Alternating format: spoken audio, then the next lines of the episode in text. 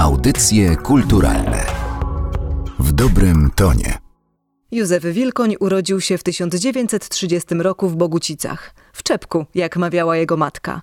I miała rację, bo w życiu mistrza ilustracji i rzeźby wydarzyło się wiele szczęśliwych przypadków.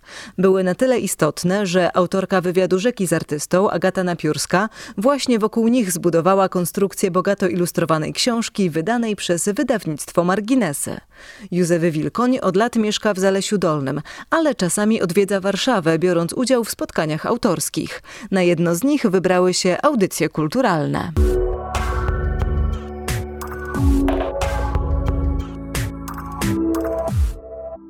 Książka, którą wspólnie napisaliście, Wywiad Rzeka z panem Józefem Wilkoniem, nosi tytuł Szczęśliwe przypadki Józefa Wilkonia i zastanawiam się, czy jakiś przypadek rządził waszym pierwszym spotkaniem przy okazji e, twojej poprzedniej książki, jak oni pracują, czy w tej sytuacji wszystko było zaplanowane? Myślę, że w tej sytuacji akurat wszystko było zaplanowane, ponieważ bardzo zawsze ceniłam twórczość pana Józefa i marzyłam o tym, żeby go poznać i on szczęśliwie zgodził się na rozmowę do tej właśnie pierwszej książki książki, no a można powiedzieć, że ta druga książka, Wywiad Rzeka, jest tej pierwszej przedłużeniem, kontynuacją.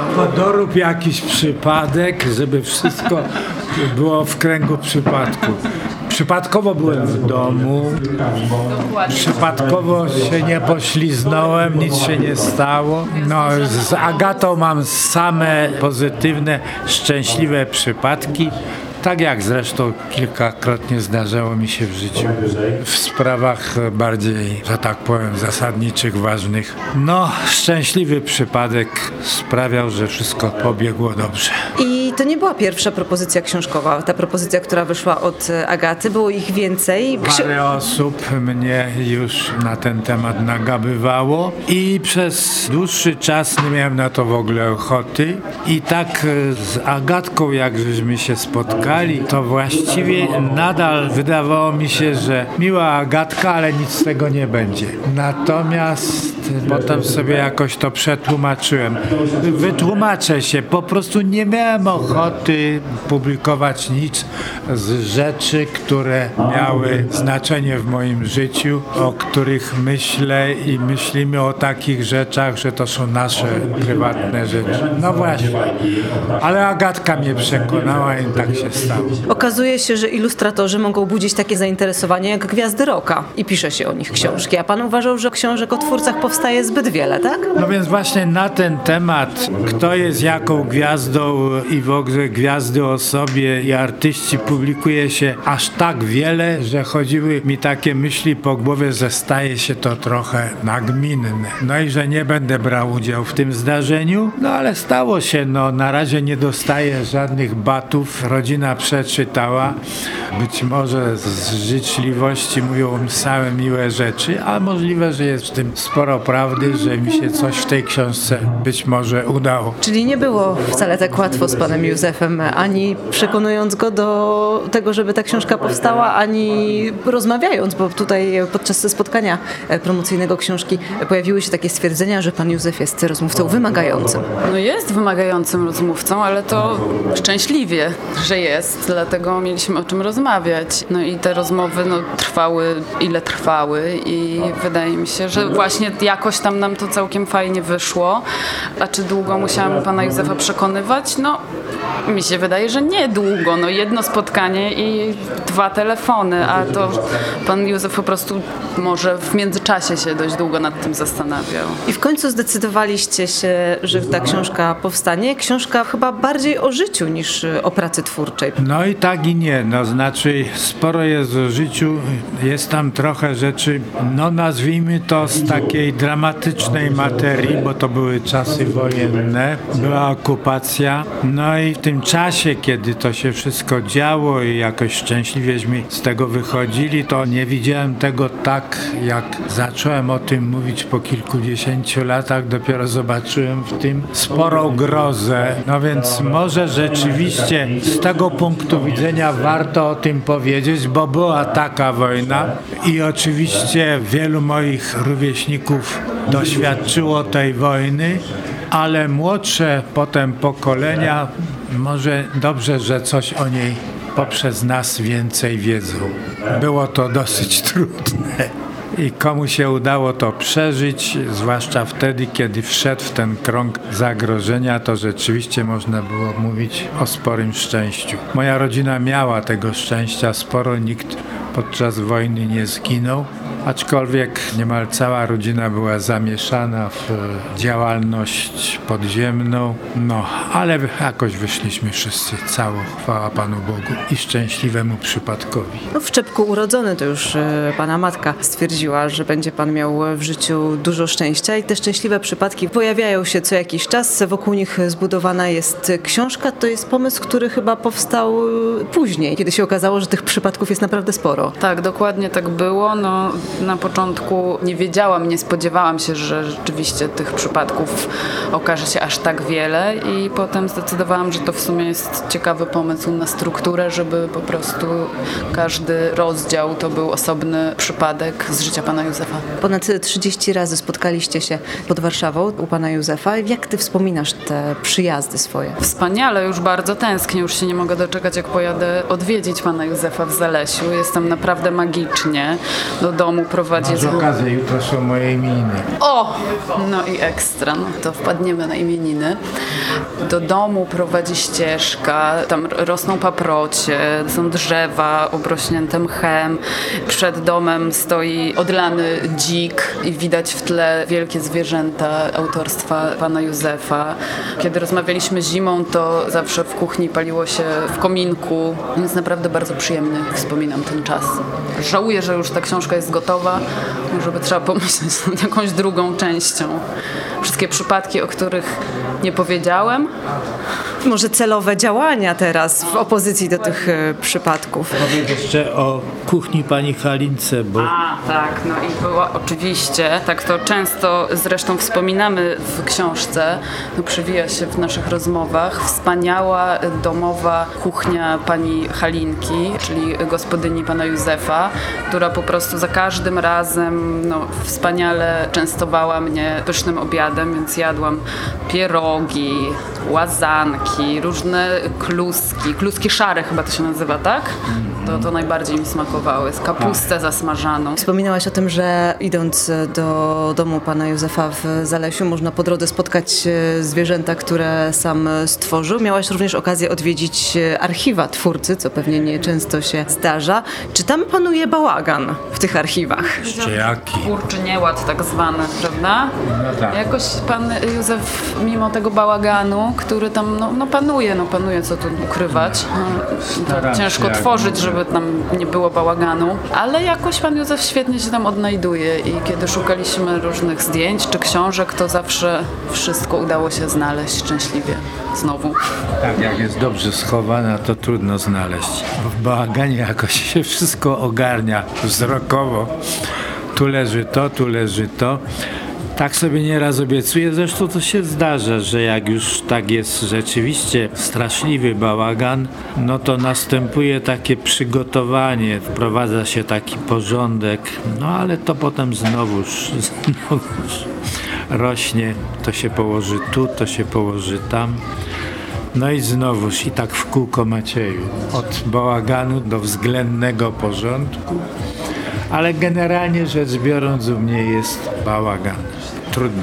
Mnóstwo historii, ponad 30 spotkań, ponad 120 godzin nagrań. Jak udało Ci się skondensować to wszystko do książki, której sporą część jeszcze zajmują zdjęcia i ilustracje? To była trudna robota, przyznaję. Bardzo przyjemnie oczywiście mi się odsłuchiwało e, te historie, ale ta edytorska właśnie, żeby to posklejać, bo te historie są posklejane z różnych e, fragmentów, rozmów, czasem z początku naszych spotkań, czasem z końca, posklejane, taki patchwork. Podobno bardzo dużo dygresji pojawiało się podczas e, tych rozmów. Czy one kiedyś w jakiejś formie aneksu mogłyby trafić do publikacji? I one częściowo oczywiście się tam znalazły i ta książka też zawiera tak zwane didaskalia, takie wtrącenia, żeby czytelnik mógł się poczuć tak jakby z nami siedział w tej kuchni i razem z nami rozmawiał i słuchał opowieści pana Józefa, to zostawiłam tam takie wtrącenia, jak na przykład pan Józef mówi, o zobacz za oknem jaka piękna sikorka, albo jak pani Halinka, gospodyni pana Józefa właśnie mówi, co jest na obiad na przykład.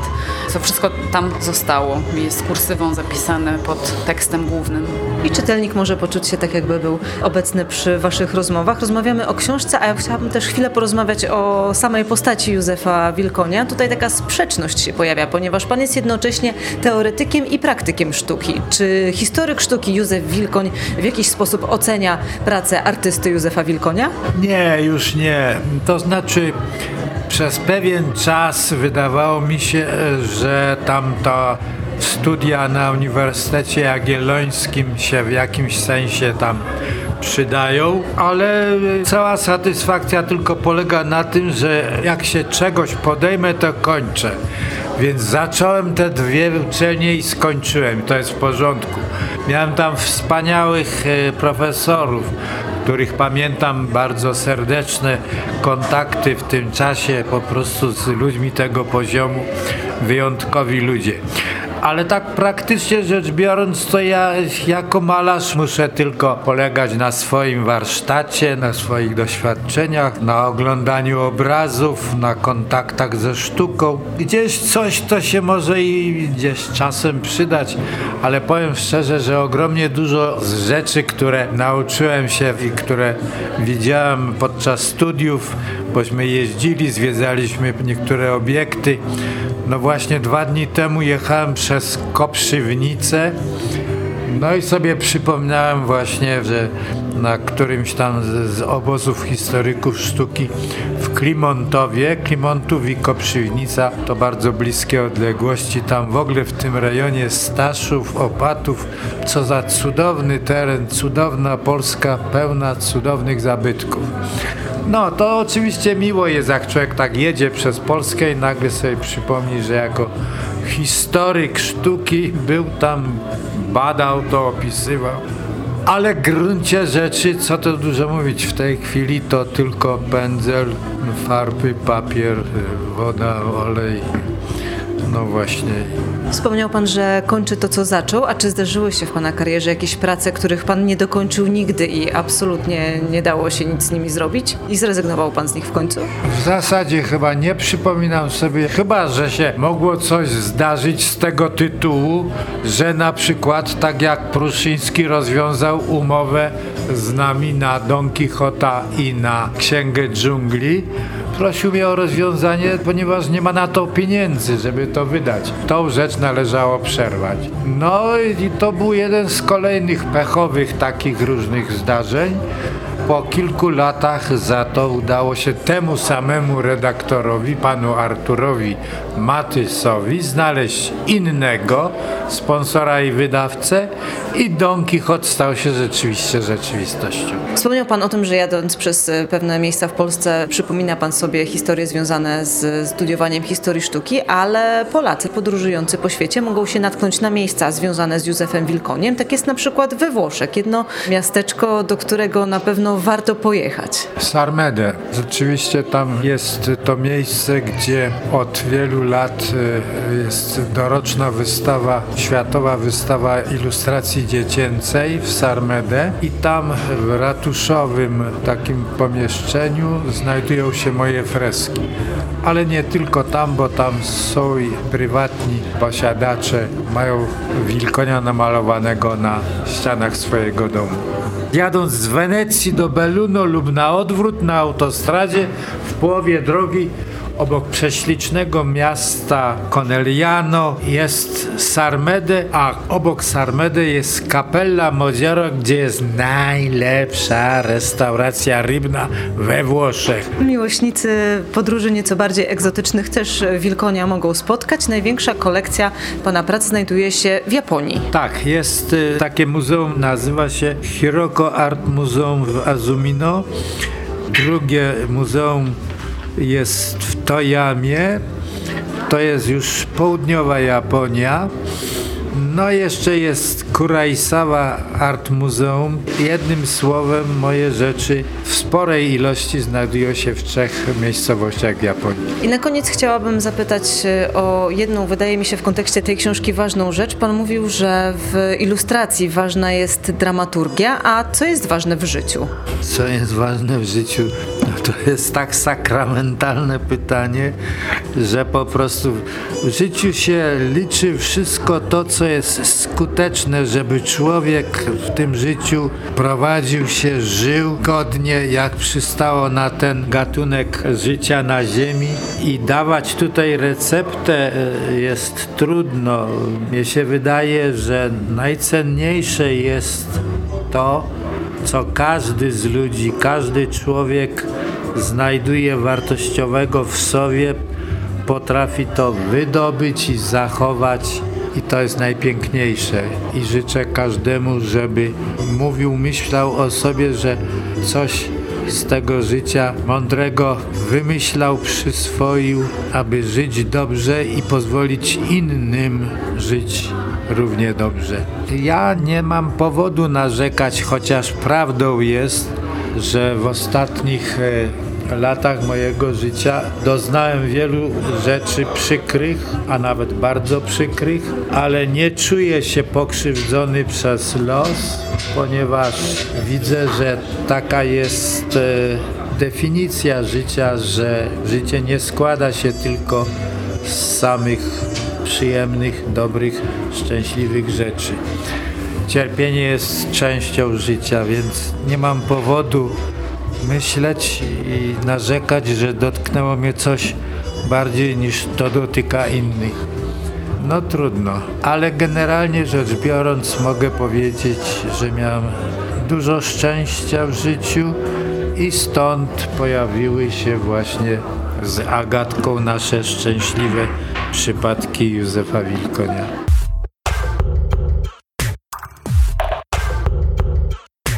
Materiał przygotowała Magdalena Miszewska.